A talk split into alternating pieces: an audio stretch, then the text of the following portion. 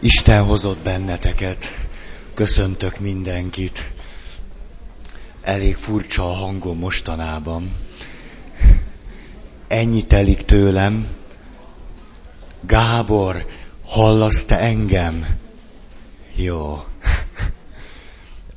Fogalmam sincs, hogy hangilag hogyan leszek. Lehet, hogy majd néha megállok és iszogatok egy kis vizet. Remélem, hogy fogom bírni.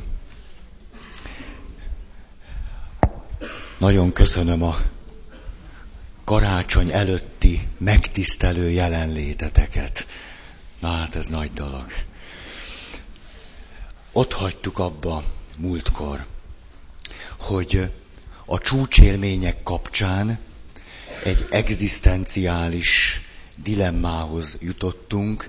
Mi történik akkor, ha egy csúcsélményben, amelyben talán a létezés, az Isten, önmagunk, az önazonosságunk, a másik ember úgy tárul föl, mint ahogy addig talán sohasem, és közben azt is mondhatjuk, hogy éppen ezekben a csúcsélményekben látjuk talán hitelesebben mindazt, amit itt az előbb elmondtam, és közben pedig ez a csúcsélmény egy morálisan kifogásolható helyzetben történik meg.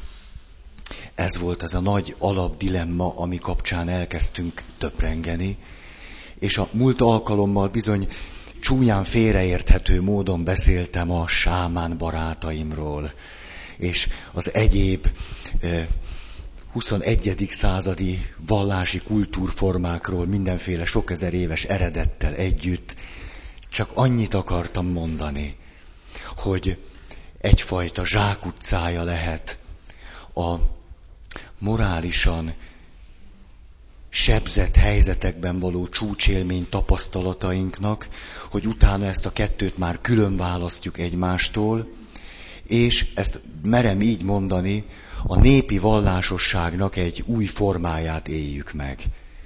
Mert én arra csodálkozhatunk rá, hogyha mondjuk a népi vallásosságból kiemelünk egy idős nénit, elhívjuk ide, és akkor hihetetlen profin tud rózsafüzért imádkozni. Pontosan tudja, hogy mikor, hol van Szent Mise. És hogyha véletlenül beteg és nem tud eljönni a templomba, akkor következő gyónáskor meggyónja, hogy nem volt. És ugyanez a néni egy kibírhatatlan, kiállhatatlan perszóna, egy elviselhetetlen nőszemély, egy sárkány. Ugye ez a népi vallásosságnak egy sajátos bemutatása volt. És hogy erre mi fölvilágosult 21. századi fiatalok azt mondjuk, hogy na hát ezt nem. Hú. Szóval, hogy hát azért, azért, hogyha ez a kereszténység, meg ez a vallás, hát, hát ahogy ez a néni csinálja, hát ezt aztán nem. Na ez a népi vallásosság. És ahogyan elutasítjuk ezt, és azt mondjuk nagyon jogosan, hogy látunk egy csomó vallási megnyilatkozást, és közben pedig az élete ennek tökéletesen ellen tud mondani. Hát akkor ugyan már ezt miért akarnánk folytatni, vagy magunkra venni? És amikor látom a kedves barátaimat, ahogy itten a 21. század elején mindenféle sámán barátaimmal, nem tudom én mit csinálnak, révülnek, akkor tulajdonképpen képesek ugyanazt Pepitában megvalósítani, mint az éppen általuk olyan, ö, hát ilyen nagyzolósan, nagyképűen lenézett idős nénikék. Ugyanaz történik, csak a forma más. Az, hogy az erkölcs világa, az élet és a vallásos megnyilatkozások tökéletesen külön élnek egymástól. Ezt én népi vallásosságnak hívom, nem tudom, így tanították, és hogy ha a 21. században ezt a New Age-nek különböző új vallási kultúrformáinak hívják, hát felőlem hívják. De hogy ugyanaz történik, ebben majdnem biztos vagyok. Ez akart az egyik lenni, tehát az összes sámánt megkövetem. Nem megkövezem, megkövetem meg az összes asztrológust is megkövetem, hát írkáljanak nyugodtan. Na, a, a másik, hogy veszem a jegyzeteimet. Hogy eljutottunk ahhoz a kényelmetlen kijelentéshez, ami biztos, hogy félreérthető volt, ahogy az önzésről beszéltem.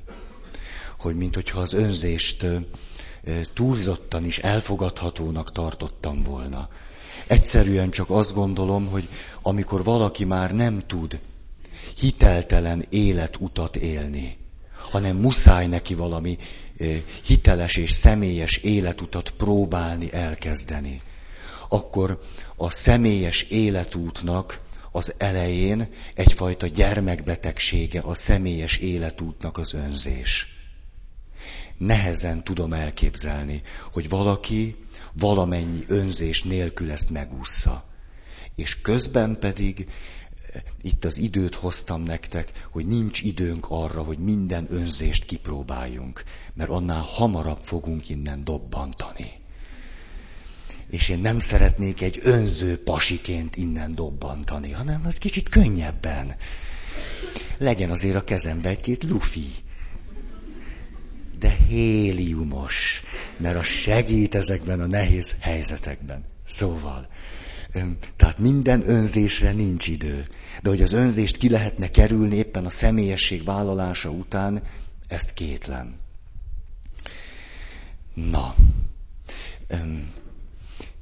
itt a pap, vagy akár a barát, vagy a házastárs nehéz helyzetbe szokott kerülni. Az ilyen embereket szeretjük kioktatni nagyon tudjuk, hogy mit csinálnak rosszul. Látjuk a tévejgéseiket. Amikor valaki neki lát, hogy egy személyes és hiteles életutat járjon, azért, mert már a másik nem megy neki, akkor persze egy csomó marhaságot fog elkövetni, önző is lesz, bűnöket is fog elkövetni. És az ilyen ember maga előtt is attól félhet, hogyha egy hiteltelen, de a társadalom, a kultúra vagy az egyház által szentesített életutat járnék, sokkal magasztosabb embert látnék reggelente a tükörben. És amikor úgy döntünk, hogy nincs más választásunk, mint ezt a személyes utat járni, akkor egy nagy nehézség előtt is állunk. Ez pedig az, hogy egyszer csak ráébredünk, hogy ez a személyes élet itt az elején olyan eléggé kicsinyesnek tűnik. Olyan elég kis gagyi. Ezt persze próbálhatjuk takargatni, mentegetni. De mikor egy kicsit őszinte napunk van, akkor belenézünk a tükörbe, és egy picit az egyiptomi husos fazekakhoz visszavágyódunk. Ott legalább valahogy olyan tisztességesnek tűntünk. Most meg, hogy elkezdtük ezt a személyes életet, hát inkább tűnünk pusztában kóvájgó nyomorultaknak. Nagyon kicsinyesnek, gyerekesnek, nevetségesnek tűnhet az az élet, amikor az ember ilyenkor elindul. Hát én most iszom. Minden adventben ez történik. Kipúcan a torkom.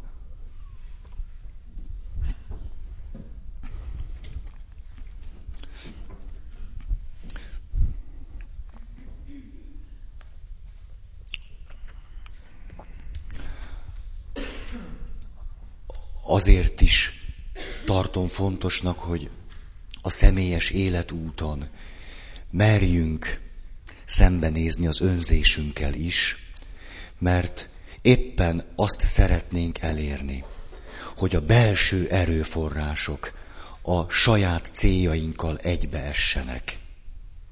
És ezek a belső erőforrások, amikor elkezdünk egy személyes utat járni, akkor általában a legszebb céljainkkal egyáltalán nem esnek egybe. Ezért vagyunk kénytelenek a saját utunkon járni. Mert már tűrhetetlen és elviselhetetlen, hogy a legigazabb céljainkat képtelenek vagyunk megélni. És nem nagyon van más választásunk, mint hogy akkor nézzük meg, hogy merre felé is áll az életem. És persze ilyenkor kezdünk egy picit ebbe tévejegni, abba tévejegni.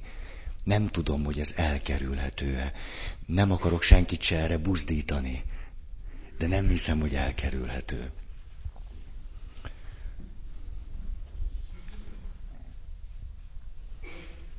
– Na és akkor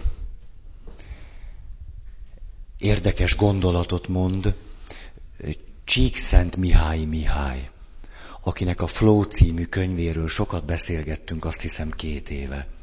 Ő azt mondja, hogy sok olyan személyes életútra, életcélra és válaszra találó emberrel találkoztam, aki az életútját egy gyerekkori sebzettségre adott válaszként kezdte el élni, vagy megtalálni. Az lehet nagyon hiteles.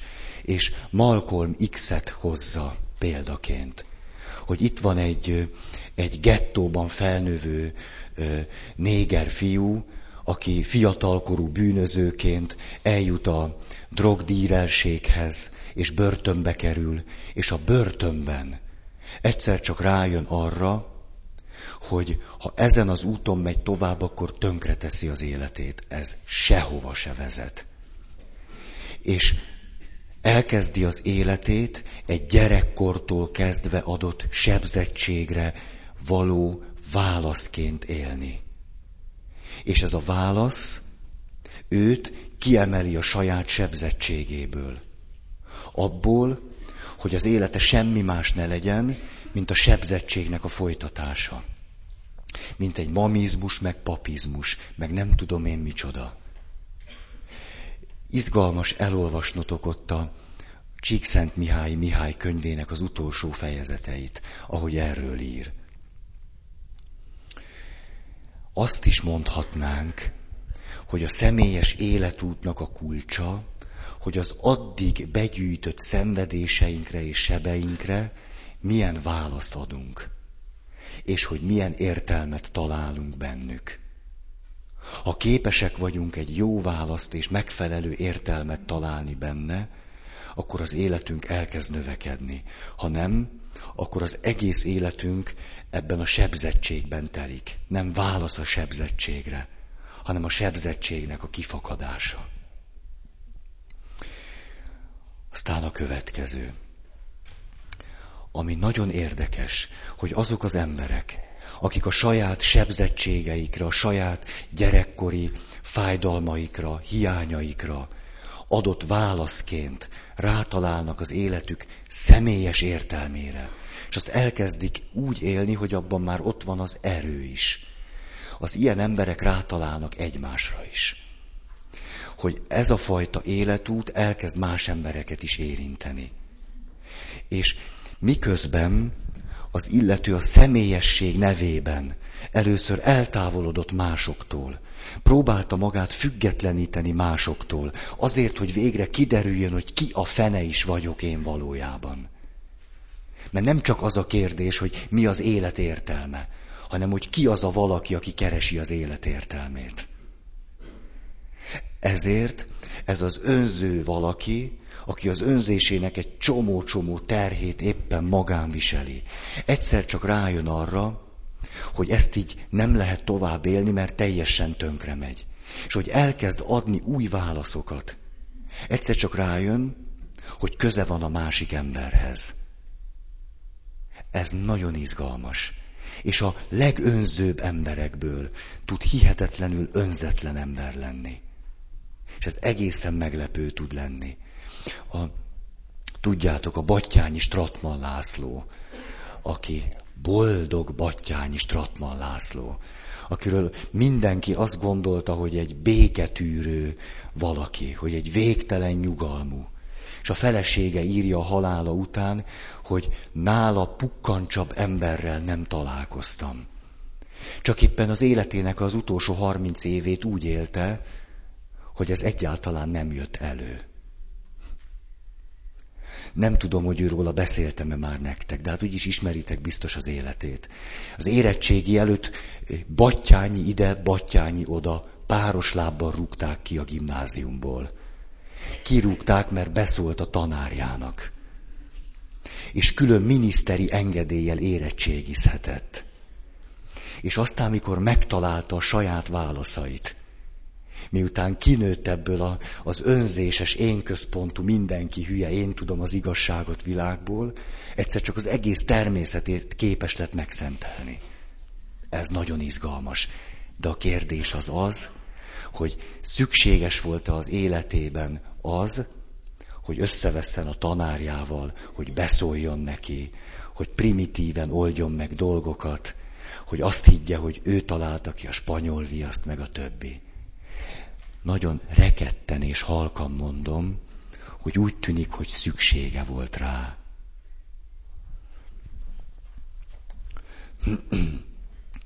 Csak az benne a jó, hogy nem maradt ott.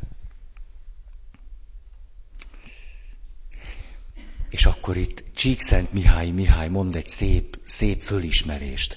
Azt mondja, hogy az ilyen ember egyszer csak rájön arra, hogy úgy tudja legjobban megvalósítani a saját legszemélyesebb céljait, amivel kapcsolatban egyébként a saját erőforrásaira is rátalált, hogyha azokra az emberekre, illetve arra a rendszerre, amelyben él, egy csomó energiát fordít.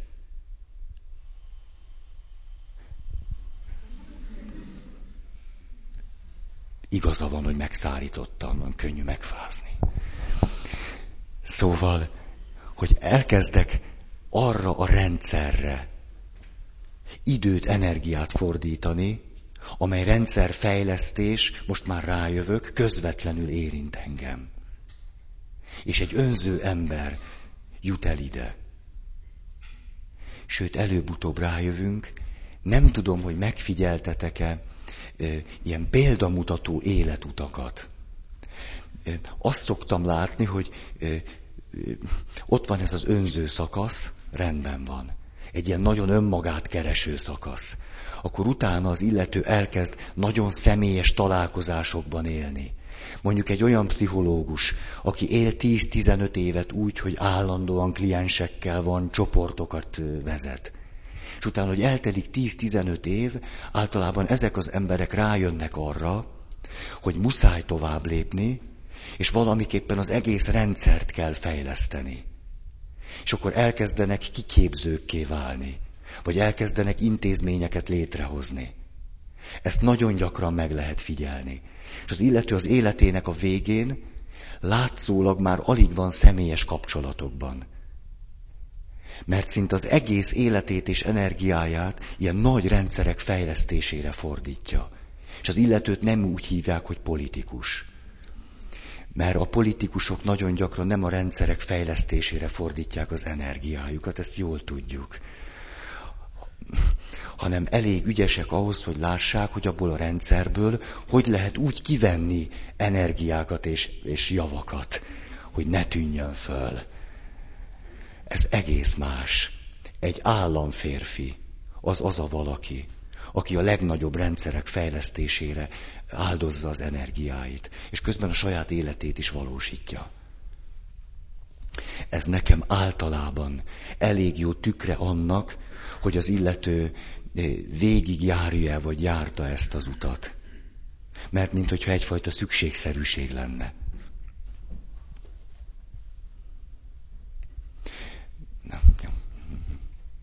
eszembe jutottak szentek is, Teréz anyától kezdve vagy fejezve akárkikig, akik tényleg azzal kezdték, hogy egyetlen emberrel törődtek, és utána ilyen világra szóló rendszereket építettek.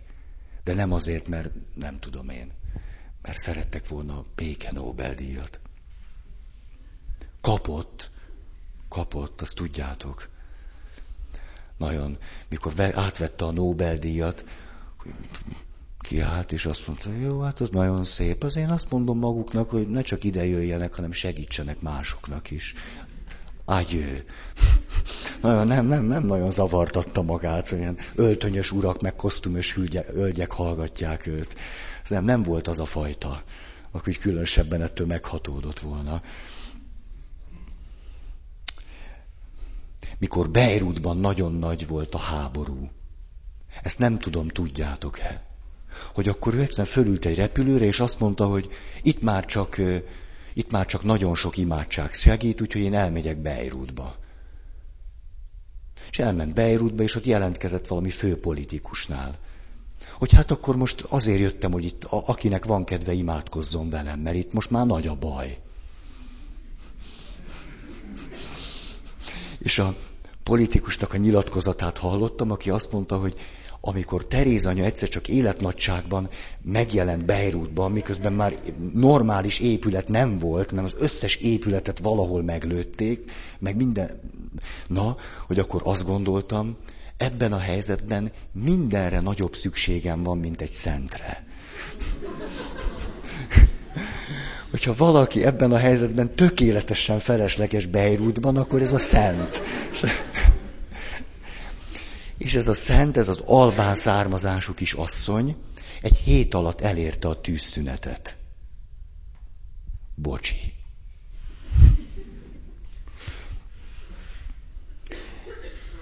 Na jó. 15, de már régóta nem mondtam számokat, úgyhogy ezzel most csak cukkolnak bennetek. Ezt, ezt most hova fogjátok rakni? Minden, nekem 15, hát nem, tudom. Szóval, aztán ennek az lesz a következménye, hogy miközben az illető következetesen a saját életútját járja, következetesen arról nem lép le, még akkor is, hogyha ilyen nagy rendszereket fejleszt. Hogy a közben, miközben ő egyszerűen csak megpróbál hűséges lenni magához, a közben azt vesszük észre, hogy egy csomó más embernek indirekt módon a javára van. Nem akar mások javára lenni minden áron, és mégis emberek valahogy elkezdenek élni az ilyen emberekből. Miközben ők direkt módon ezt egyáltalán nem is akarják, és nem is célozták meg. Ez nagyon izgalmas. És az utolsó, ami ilyenkor az illetőben megszületik, az nem egy elfogadott, hanem egy fölfedezett hit. Ez szép mondat, ugye? Nem én találtam ki. Tehát nem egy elfogadott, hanem egy fölfedezett hit. Ez lett volna az a keret, amiben gondoltam, hogy a kijelentéseink elhangoznak, vagy a fölismeréseink megszülettek. És most nagyon remélem jön valami izgalmas dolog. Ez pedig az, hogy most egy nagyon szép végkifejletig eljutottam, és akkor menjünk most ennek a történetnek a legelejére, és tegyük föl a kérdést, hogy miért sikerül az egyik embernek ez, és miért nem sikerül a másiknak. Hogy miért rohad bele az önzésébe az egyik, aki pedig egyszerűen csak egy-két csúcsélmény nyomán a saját életét, a személyes életcélját keresi. És nem lesz belőle semmi. Ugye, hogy jaj, nem is tudom, ki mondta, elég frappáns sírfelirat. Így hangzik. Emberként született, szabóként halt meg. Tehát van, van, van aki így, így csinálja. Emberként születik, és valami kevesebbként hal meg elég gagyi. És a másik pedig emberként születik, és most nem tudom, hogy, hogy, hogy hal meg. De úgy, hogy na, hogy úgy, úgy kevesebb lesz az egész világ. Épp ma temettem valakit, és újból és újból ez a gondolat jutott eszembe, hogy most, hogy meghalt ez a valaki, ez a világ egyszerűen szegényebb lett. A fene egye meg. Na, ez a másik életút hogy egy ilyen ember, ha meghal, azt éljük át, hogy nem csak én, nekem kevesebb az életem, nem csak annak, aki ismerte, hanem valahogy a világ lett kevesebb. És ezt utáljuk, mert ez ne legyen. Na ez a kérdés. És az, hogy, hogy hogyan tudunk, most nehogy ezt félreértsétek, hogyan tudunk innen átülni ide. Na most szép, szép. Legközelebb majd fordítva mondok egy példát, és akkor felszabadulhattok. És persze mindezt, hát Mászló nyomán fogom elmondani, mert van egy-két nagyon jó gondolata erről. Ez pedig az, hogy mond egy érdekes kijelentést. Ezt a lélektan nagyon fölkapta, és ma is tanítják széltében hosszában. Miközben élete végén ő maga is sokkal árnyaltabban beszélt róla. Ez pedig az, hogy van a szükségletek piramisa. Alapszükséglet, tűdüdüdüdü, szükségletek. És amikor valaki az alapszükségleteit kielégítette, vagy ezt hosszú távon tudja, hogy biztonságosan ki tudja elégíteni, akkor marad ideje, energiája, figyelme mi egymása a növekedésre. Amit ő így hív, hogy önmegvalósításra. Később az életének a vége felé azt mondta, hogy hát azért ez nincs teljesen így. Hogy az ember él, és tudjátok, rajzolta ezt a háromszöget, és utána az élete végén a háromszögre rárajzolt egy kis háromszöget. És azt mondta, hogy úgy tűnik nekem, hogy létezik valami olyan spirituális alapszükséglet, ami akkor is erőt vesz az emberen, egyfajta növekedési alapszükséglet, ami még akkor is képes működni bennünk, hogyha éhezünk, fázunk, és nincs hol lehajtani a fejünket. Tehát árnyalta az élete végén már ő maga is ezt. De mind a kettőben sok igazság van, majd ezt megpróbálom kifejteni. De rögtön egy mondat. Az a valaki, aki tele van sebzettséggel és hiányjal, az ilyen valaki állandóan megpróbálja a hiányait betölteni, a sebeit meggyógyítani, és ő neki alig marad ideje arra, hogy növekedjen akinek kevesebb sebe van, aki kevesebb negatív örökséget kapott, az ilyen embernek általában eleve több lehetősége van, hogy a növekedésre figyeljen. Ebben ő neki alapszinten tökéletesen igaza van. De, és most aztán a derről szeretnék beszélni.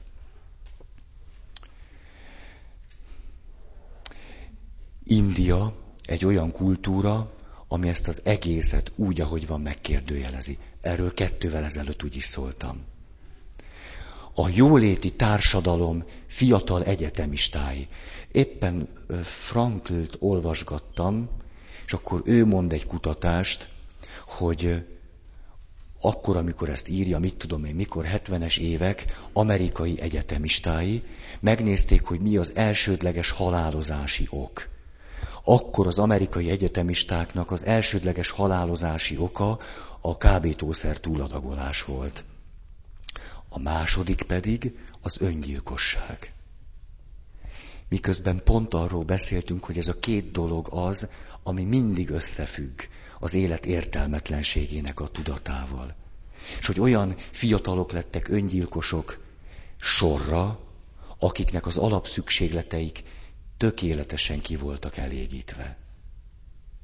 Tehát úgy tűnik, hogy létezik egy ilyen spirituális alapszükséglet is.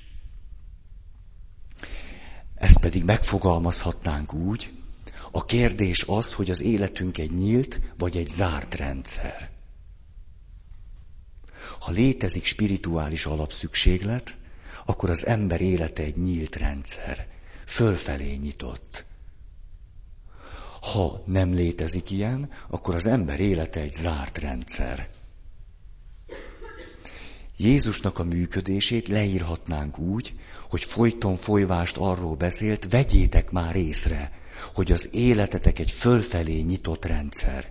Különben beledöglötök a bűneitekbe, az önzéseitekbe. És hogy az ószövetségi törvény semmi másra nem jó, mint hogy kiderüljön, hogy az az élet, ahogy addig éltétek, egy zárt rendszer, a törvényt nem tudjátok teljesíteni, tehát bele fogtok dögleni. És Jézus az életet egy nyílt rendszerként mutatja meg.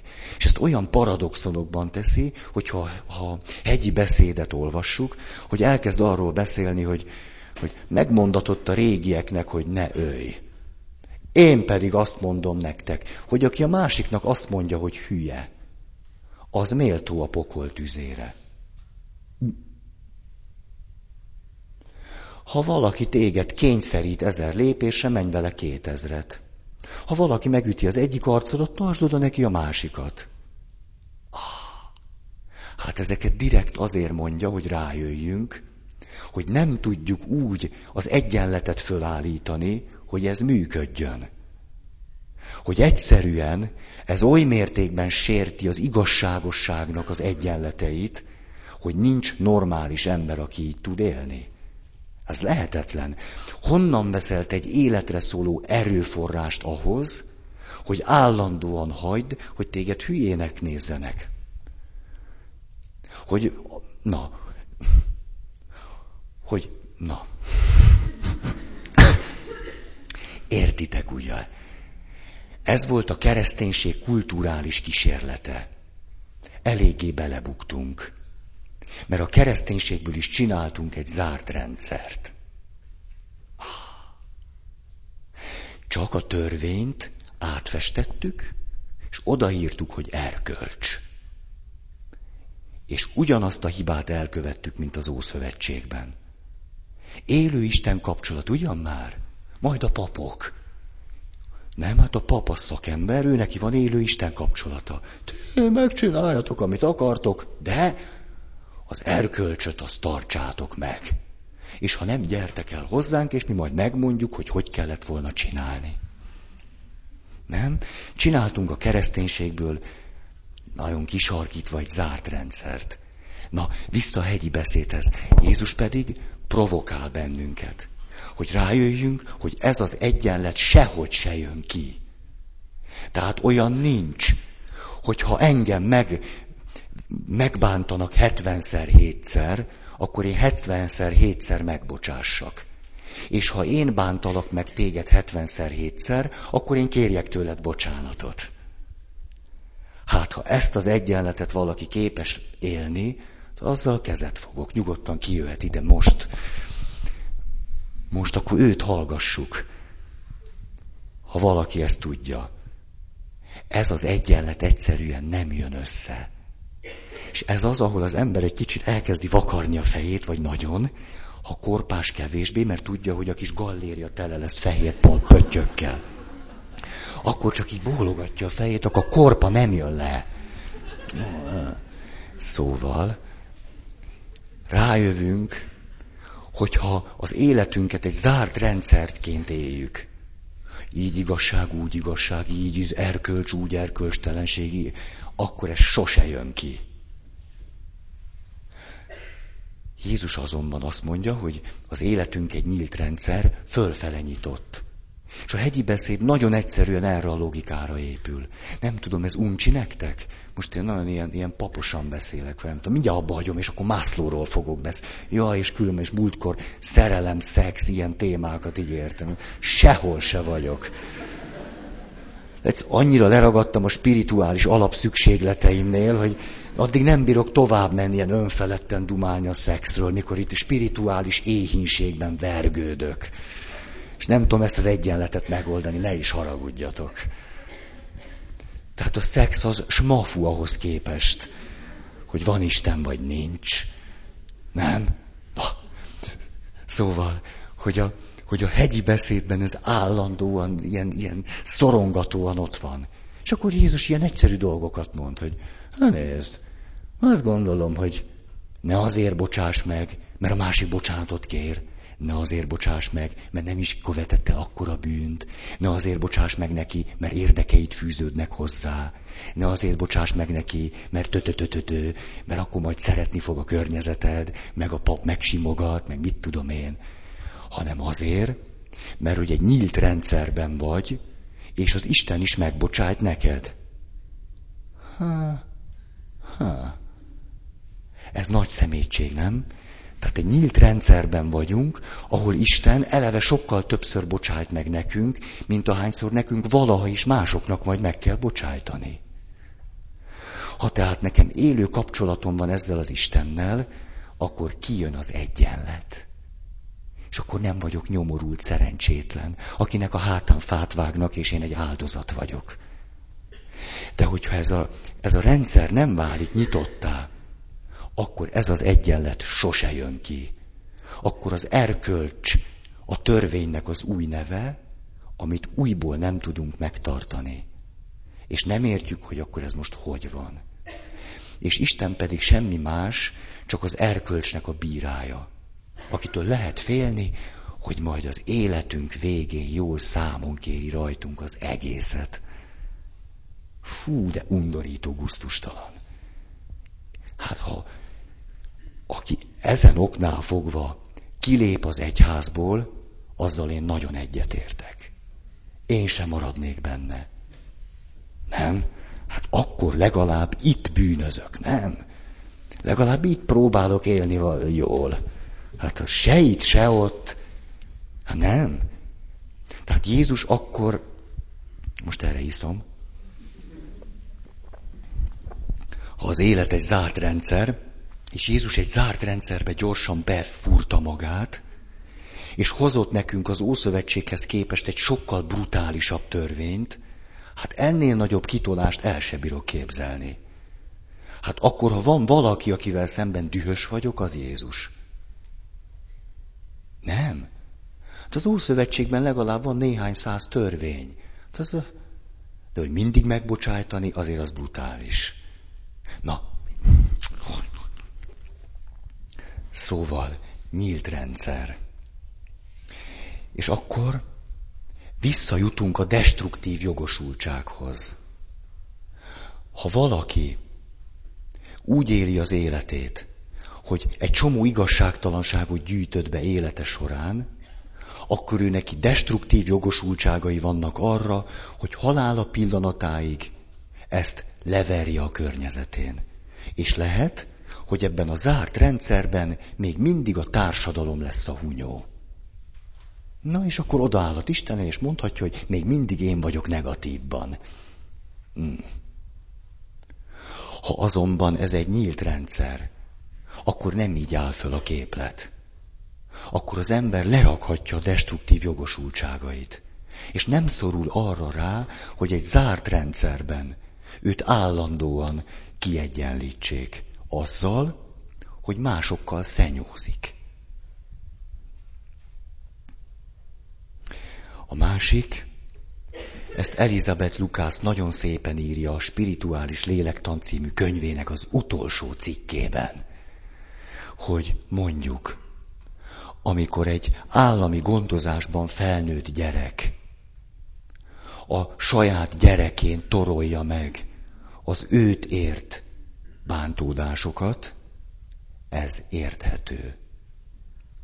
De ha az életét nyílt rendszerré teszi, akkor egyszer csak fölfelé tesz egy lépést, amiben már nem szorul arra rá, hogy a gyerekének adja vissza, amit ő a szüleitől kapott. És akkor ő ott hoz egy csomó példát, hogy egy, egy olyan nő, akit ö, szexuálisan bántalmaztak fiatal korában, ha egy ilyen nő aztán ezt a bántalmazást ö, leveri a férjén, akkor ez tökéletesen érthető. De ha az életéről elkezd úgy gondolkodni, mint egy nyílt rendszerről, ami fölfelé nyitott, akkor erre egyszerűen nem lesz szüksége. Akkor van egy másfajta megoldása a helyzetnek. Azt gondolom, hogy a lélektani szakemberek nagyon sokat tudnak nekünk segíteni abban, hogy a velük való beszélgetésben elismerik a mi destruktív jogosultságainkat. Hogy természetes, jogos és normális lenne az, ha ezt most továbbra is így csinálnánk. Hogy a jó pszichológusok meg tudnak bennünket érteni. Amikor kaptunk egy sebet tíz éve, és ezt most visszaadjuk valaki másnak. A kérdés azonban az, hogy ez jó lesz-e nekünk, ha csak ennyi.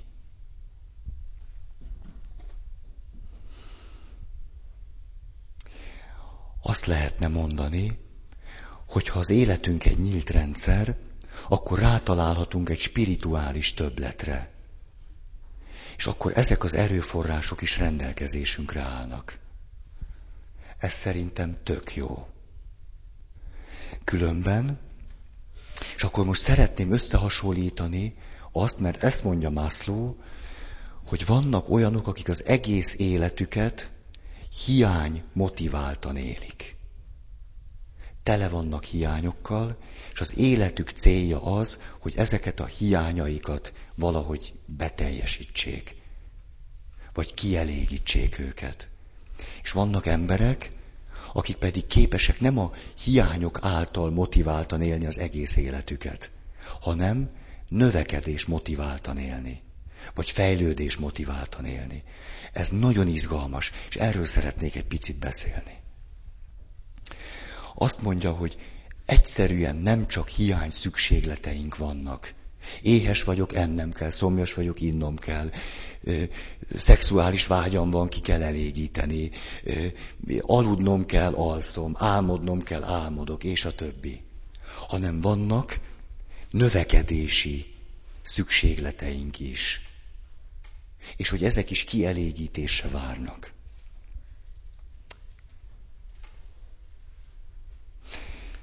Mi történik akkor, ha valaki az életét hiány motiváltan éli? Akkor például, ahogy a múlt alkalommal volt erről szó, egy egész életen keresztül mondjuk a férjétől vagy a feleségétől akarja bezsebelni azt, amit otthonról nem kapott. És azt gondolja, hogy jogos az, hogy az ő hiányait mások folyton folyvást betöltsék. És ha nagyon nagy hiányai vannak, akkor végig lehet tengetni így az életet.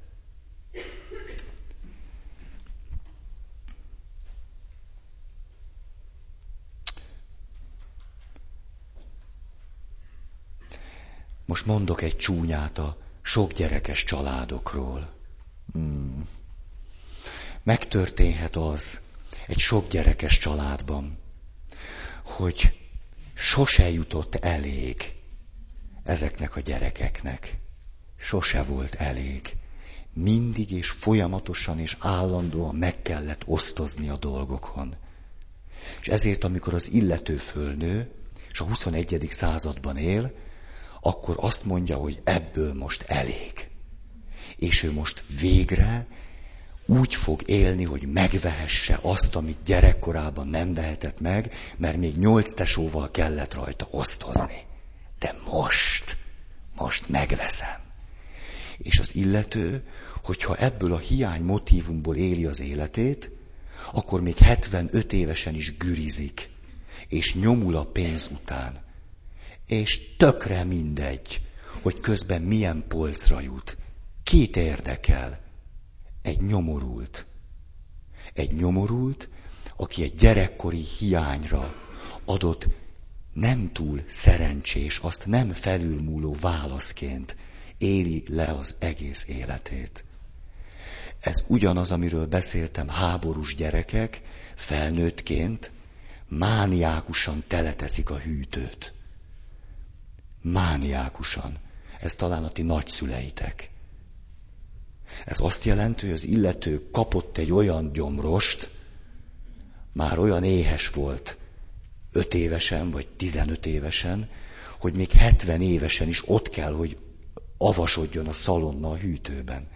Emlékeztek, hogy x évvel ezelőtt meséltem egy kedves ismerősömnek az apukájáról, hát azért nem név szerint, aki miután az életét egy ilyen háborús gyerek hiányaira adott, pénzkereső, őrületszerű válaszadásban élte le, és miközben természetesen olyan kaját vehetett meg már magának, amilyet csak akart, és már régen utálta a szalonnát, rutinból még mindig vett egy nagy darab szalonnát, és betette a legfelső polcra a hűtőbe. Miközben már utálta. Na ez a vége. Ez az, amikor valaki egy hiányra adott, zárt rendszerben élő, azt egyáltalán nem fölülmúló válaszadásként éli az életét. Jaj, bár csak túl lenne már rajta. Ugye se szeri, se száma az ilyen hiányoknak. Mondjuk az illetőnek olyan volt az anyukája, hogy nem volt túl anyai, nem puszilgatta eleget, nem simogatta buksiát eleget. Mit tudom én micsoda? És akkor az illető kap egy ilyen szexuális defektust. akkor, akkor az élet arról szól, hogy, hogy a test meg, meg, meg kapja, meg érintés, meg ölelés, meg minden. És akkor a házasságában a kapcsolatuk mondjuk egy válságban van. És akkor mit mond a nő? Hát azt mondja, ne is arra, hogy a válságban tudod, kinek van kedve. És akkor az illető ezt bírja két hétig. Mert ő nem bírja ki. És aztán újabb kapcsolat, meg 28. kapcsolat, meg a többi. Ez a hiány motivált élet. És ugyanazon a szinten. Én most ezt ilyen keményen mondtam, de közben tele vagyok együttérzéssel. Csak tudjátok, úgy van ez, hogy hetente 40 órát vagyok együttérző. Tehát folyamat más se csinálok, mint veletek együtt érzek. És amikor egy ilyen lazább helyzetben vagyunk, olyan jól esik egy kicsit beszólni. De tudjátok, ez is egy egyensúly. Itt egy kicsit beszólok, és aztán jöhettek nyugodtan, nagyon együttérző leszek. Ígérem. Szóval lehet, hogy így karácsony előtt, ma este egy picit e- egy picit. Ezt a picit nem bírja. Egy kicsit, na. Egy, jaj, ez annyira jó. Azt tudjátok, hogy az amerikai angolban polgárjogot nyert az icipici. Ez annyira jó. Tudtátok? Icipici. Ezt mondják az amerikaiak. És nem is tudják, hogy magyarul beszélnek. De jó, kis buták. Mi viszont tudjuk, hogy mikor beszélünk angolul. Ebből is látszik, hogy ki a... Na. Azt akartam mondani, lehet, hogy izgalmas lenne, hogy egy kicsit elrévedni azon a belső sámán segítségével, hogy hol vannak ezek a nyomorult hiányok, amikre még csak ilyen visszintes válaszokat tudtatok adni. Nem tudom, és mondjak-e még itt? A,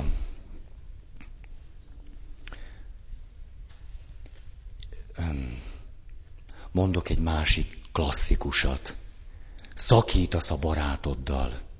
Szakítasz a barátnőddel. Ez elég klasszikus, ugye? Szokott menni. A, na és akkor te vagy a világ legszomorúbb polgára.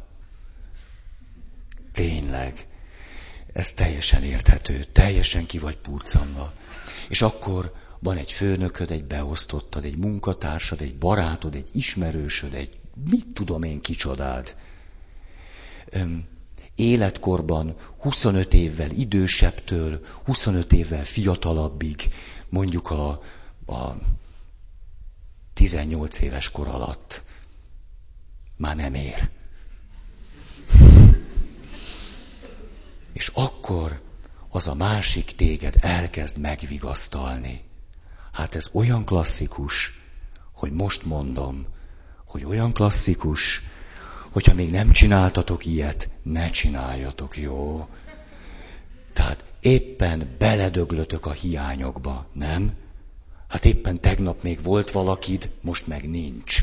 És amikor éppen beledög lesz a hiányba, jön valaki, aki megért téged, aki szeret. Jaj. És te menten elolvadsz. És az illetőnek az a pehje, hogy házas. Hogy nem házas, de szeretne megházasodni, és te vagy házas. Mit tudom én? De annyira megvigasztaljátok egymást. A legjobb verzió, amikor két hiányában fetrengő ember vigasztalja meg egymást, az a legszebb. Abból születnek a legkatasztrofálisabb kapcsolatok. Nagyon, hát az ilyeneket, nagyon nagy bölcsesség az, amikor valaki ezt hamar észreveszi. Nagy okosság, ha valaki legalább valamikor észreveszi. Nem tudom, a harmadik verzió, az pedig, azt, azt ne, nem is mondom. A, ugye megvan ez a téma nektek? Ugye? Na jó. Hogy egy nyomorult hiányunkba hogy bele tudunk bonyolódni. és utána akkor nem értjük, hogy mi történik velünk, hát itt voltak ezek az érzések, ezek a vágyak, hát olyat kaptam tőle, ami tíri A leges, leges, leges, legklasszikusabb az, amikor hiány motiváltan házasodok. Na, ná, hogy úgy há, mindenki úgy házasodik. Nem már, különben pap lennél. A... Tehát hiány motivál. Jaj, de undorító, nem? Erre iszom. Jó van, Feri? Na. És jól beszóltál. Na. A papok tudnak a legtragikusabbak lenni. A papok néha egy ilyen spirituális világcsúcsot akarnak elérni. Ez azt jelenti, hogy hihetetlenül nincs kedvük szembenézni azzal, hogy mennyire hiánymotiváltak. És azt gondolják, majd a jó Isten betölt minket. És tudjátok, hogy a jó Isten mit mond? Semmit. Csak tényleg. Hú, hát csak tudom, én is kérdeztem. A jó Isten miután van humorérzéke, nem olyan, mint mi. Tehát a Jóisten nem mond semmit, hanem mutat. Kom...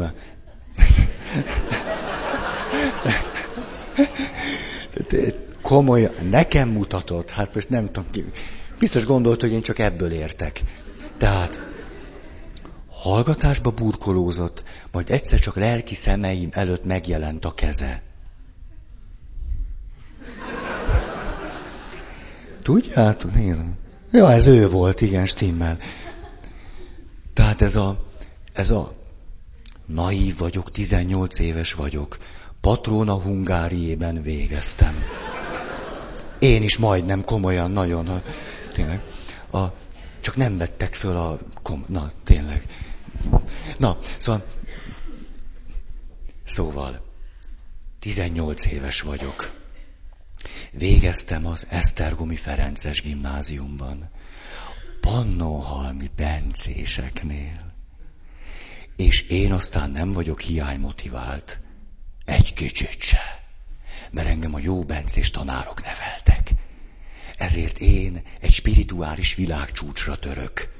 Vagyis megpróbálom úgy élni az életem, majd az Isten betölti az összes hiányomat. az illető előbb-utóbb nagyon fog csalódni. Igazából minél előbb csalódik, annál jobb. Komolyan. És minél nagyobb krízisbe jut, annál jobb. Akkor még lesz belőle rendes ember. Különben egy ilyen, egy ilyen maszkot hordó szerep valami. Vagy mit tudom én, akkor még van egy-két verzió de hogy nem érdemes vele találkozni, az biztos. Szóval hiány motiváltságból való élet, zárt rendszerben élve megpróbáljuk egész életen keresztül ezt pörgetni.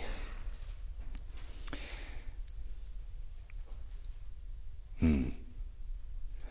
Mit mondhatunk a működésmódról?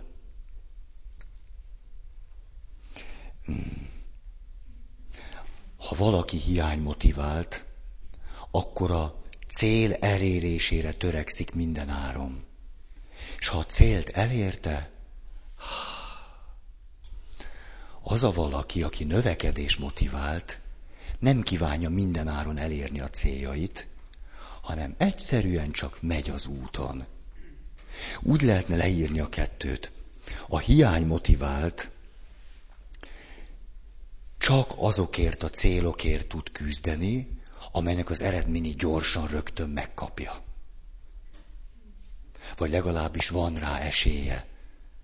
És főleg pedig nagyon szeret érzelmi gyümölcsöket gyorsan-gyorsan beszerezni és ezekkel degeszre a hasát.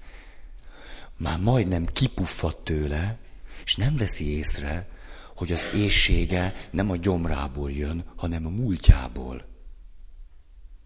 Ezért az illető már olyan önző, hogy majdnem beledöglik, és ő még mindig éhesnek érzi magát. Ez ismerős, nem?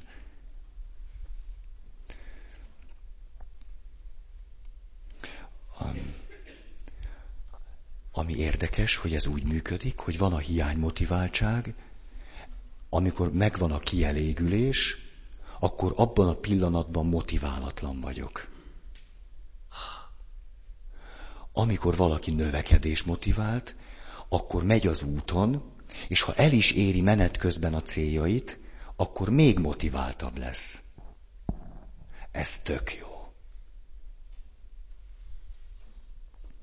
Ez például olyan, hogy valaki értékes ember akar lenni. És amikor menet közben sikerül egy-egy értéket létrehoznia, akkor ez óriási örömmel tölti el, és még nagyobb vállalkozásba tud kezdeni. Ha hiány motivált vagyok, megszerzem, amit akarok, és ha megszereztem, akkor magam se tudom, hogy miért akartam annyira. Az igaz az utat választja. Hm-hm. A cselekvés, az út céllá tud válni, és élvezetet jelent. Azt hiszem, ezt múltkor mondtam. Azok akarnak olyan nagyon gyorsan az örök élettel találkozni, akik még a földivel se tudtak mit kezdeni. Ezt mondtam, ugye? Na. Milyen öröme van az egyik embernek, és milyen a másiknak. Itt egy mechanizmus szeretnék leírni. A hiánypótlás öröme. Jön a vágy, beteljesedés, megkönnyebbülés, feszültségoldódás, múlékonyság. Ha valakinek bőség öröme van, akkor az illető, hogy megy az úton, közben könnyed tud maradni. És amikor eléri ezeket a célokat, vagy pusztán csak az úton jár, aközben van egy maradandóság élménye. Ez is tök jó. És erre vonatkozhat többek között Jézusnak a mondata. Akinek van, annak még adnak. Akinek nincs, attól azt is elveszik, amiről azt gondolta, hogy van neki. Mászló éppenséggel kibontja Jézusnak ezt a mondatát. A hiánymotivált ember állandóan úgy él, hogy neki nincs, és az a tapasztalat, hogy még állandóan azt is elveszik, vagy legalábbis fenyegetik, amiről azt gondolta, hogy van neki. A bőség, növekedés motivált meg, azt éri meg, hogy ezt én nem értem. Hogy a csudába van ez, hogy valahogy a mai napom is tök jó volt. Hogy van ez? Tudjátok, az optimista meg a pessimista gyerek. Ismeritek?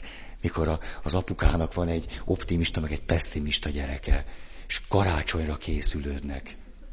Tehát azt gondolja, hogy a pessimist, ismeritek? Ma nagyon ismeritek, nem mondom el. Há, látom, ismeritek, akkor hagyjuk. A... Akkor gyors leszek.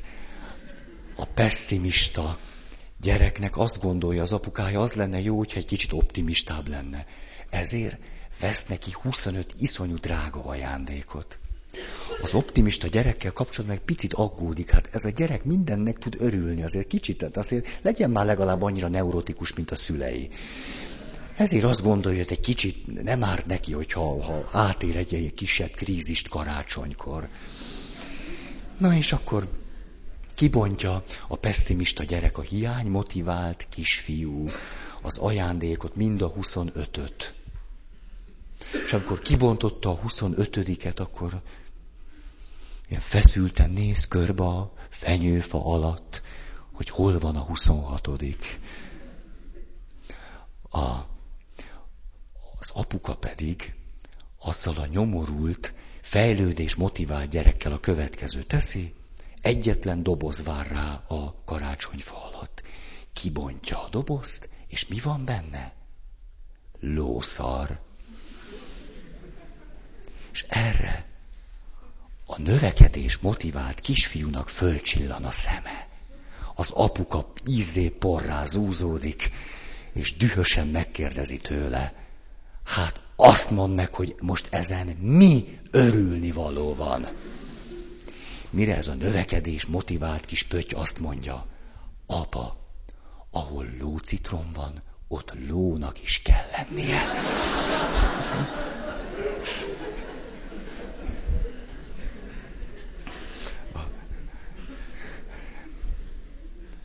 Na, és közben meg azt gondolom, hogy a hiány motiváltságból nem lehet nagyon kinőni, csak azzal a bizonyos spirituális töblettel. Szerintem nem lehet kinőni belőle. Ezért izgalmas ez a három rétegű modell. Ezért olyan nagyon fontos. Visszatérünk Rőrig Gézához. Olyan rég volt itt nálunk. És közben van egy jó története.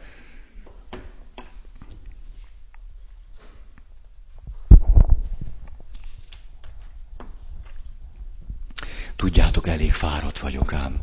Szóval, amit karácsony előtt egy papon átmegy, azért az nem kevés. Komolyan. Szóval a vírus ahhoz képes semmi. Így szól az igazságról. Egy ízben egy hippi így szólt a Grujavici rebbéhez. Mester, miért nincsen minden fordítva? Miért nem a kísértés iratik föl apró arám betűkkel a könyvekbe, és miért nem az igazság sétál melltartó nélkül az utcán? Erre rebbe fölkacagott. Ha eleget búvárlod azokat az apró arámbetűket, magad is rájössz majd, hogy az igazság sétál melltartó nélkül az utcán.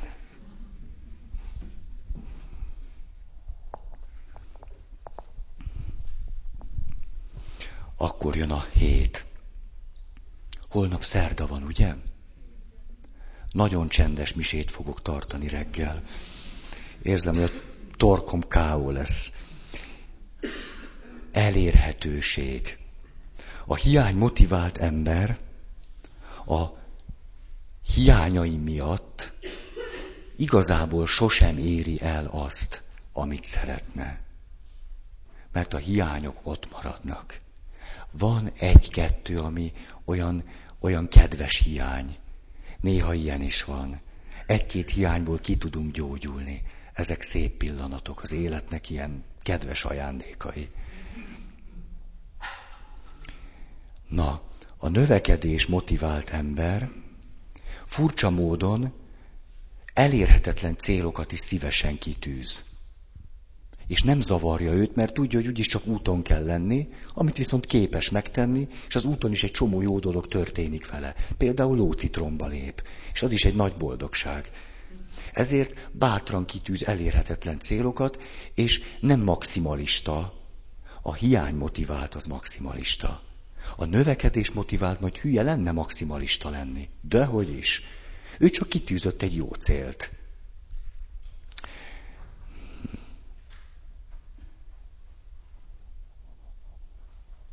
Oké. Okay. Jó. Nyolc. Gyors vagyok, nem? Hát ő jövő karácsonyan. Jó van. Kielégíthetőség. Na most jön a szex. Helyett azt mondja, a hiány motivált ember hiányait sajna bajna a környezet tudja csak kielégíteni. Néztem én ezt a Fábri Sándort valamelyik nap. Ugye ő szokta mondani, hogy a sorsod a jobb kezedben van. Hát tudjátok. Szóval a hiány motivált ember az a valaki, aki állandóan folyton folyvást rászorul a környezetére. Ezért olyan nyomorult. És ráadásul személytelen, általános, és olyan szükségletei vannak, amelyeket sosem tud teljesen betölteni. A növekedés motivált barátunk növekedése nem múlik a környezetén. Ha, olyan szenvedésben is értelmet találni tudó valakiről van szó. Ezért az élete személyes és egyedi, és belülről meghatározott.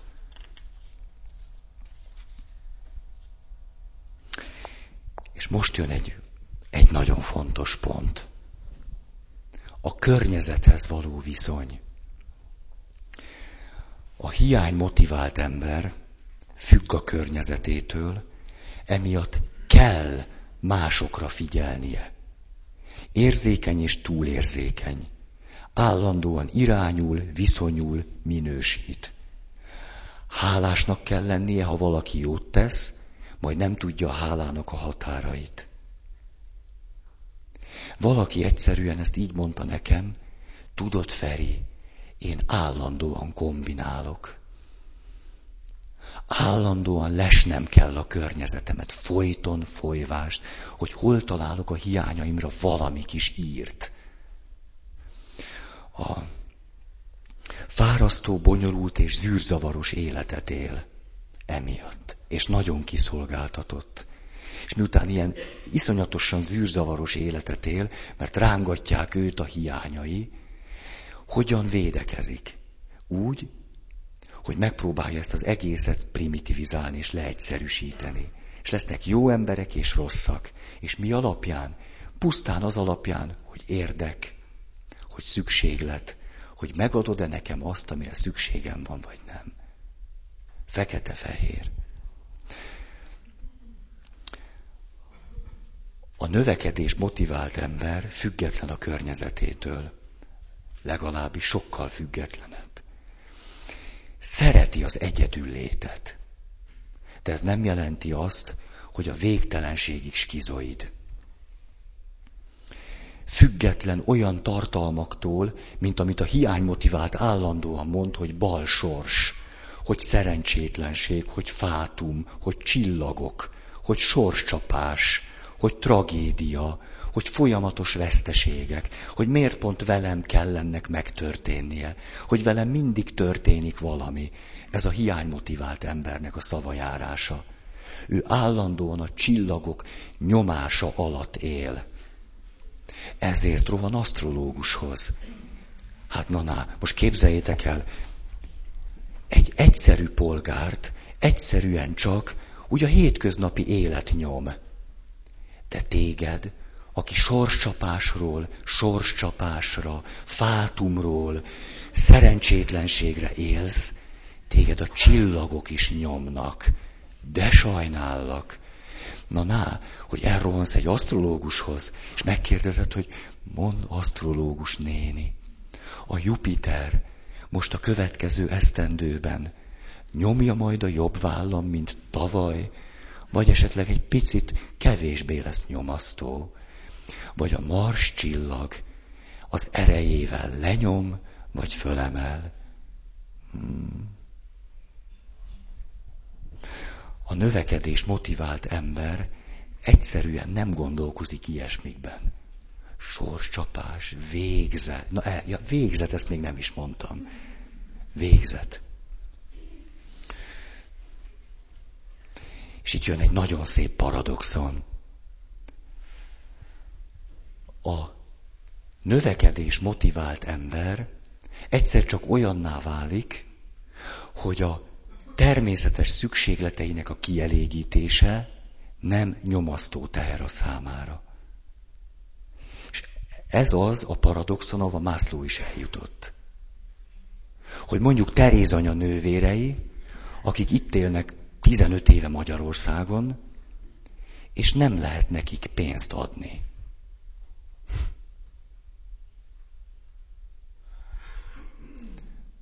puf neki.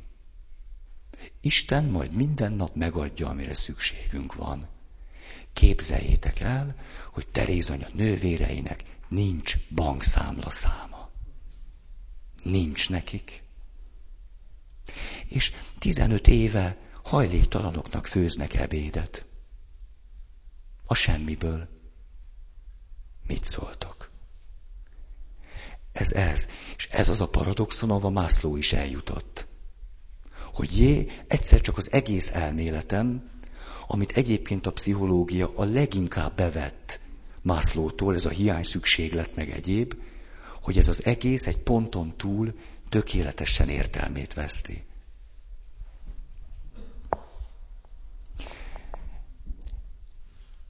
Pont itt akartam volna a legizgalmasabb dolgokat elmondani. De hát ez ennek a sornak egy sorscsapás, egy végtelen pech, egy rohadt szemétség. Ez a pacsor pedig azt mondja, de izgalmas lesz jövőre majd jönni. Na hát, egy jó bulival fogjuk folytatni. Na, hagyj fejezzem be egy történettel. Szép történet.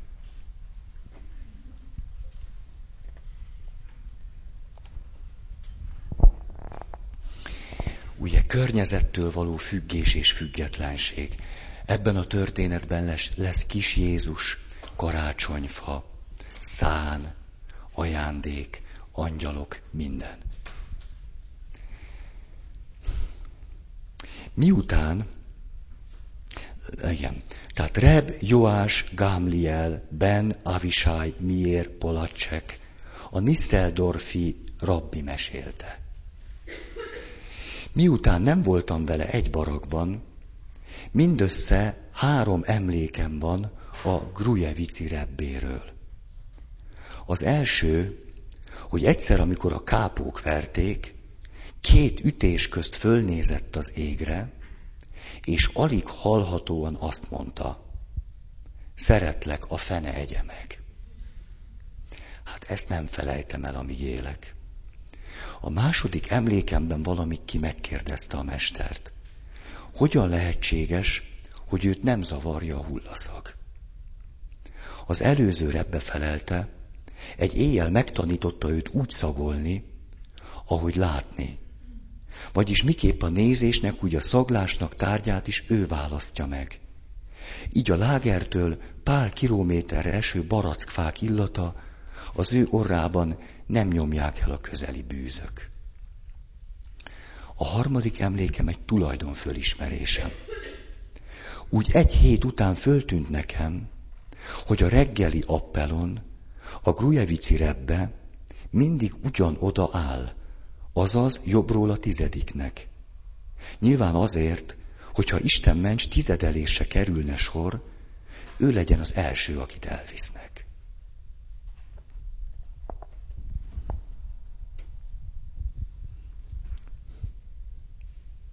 Ez volt a karácsonyi története. Ökumenikusra hangszerelve. Akkor áldott ünnepet. Nektek azt kívánom. Ez az fordítva, tehát te szerepcsere.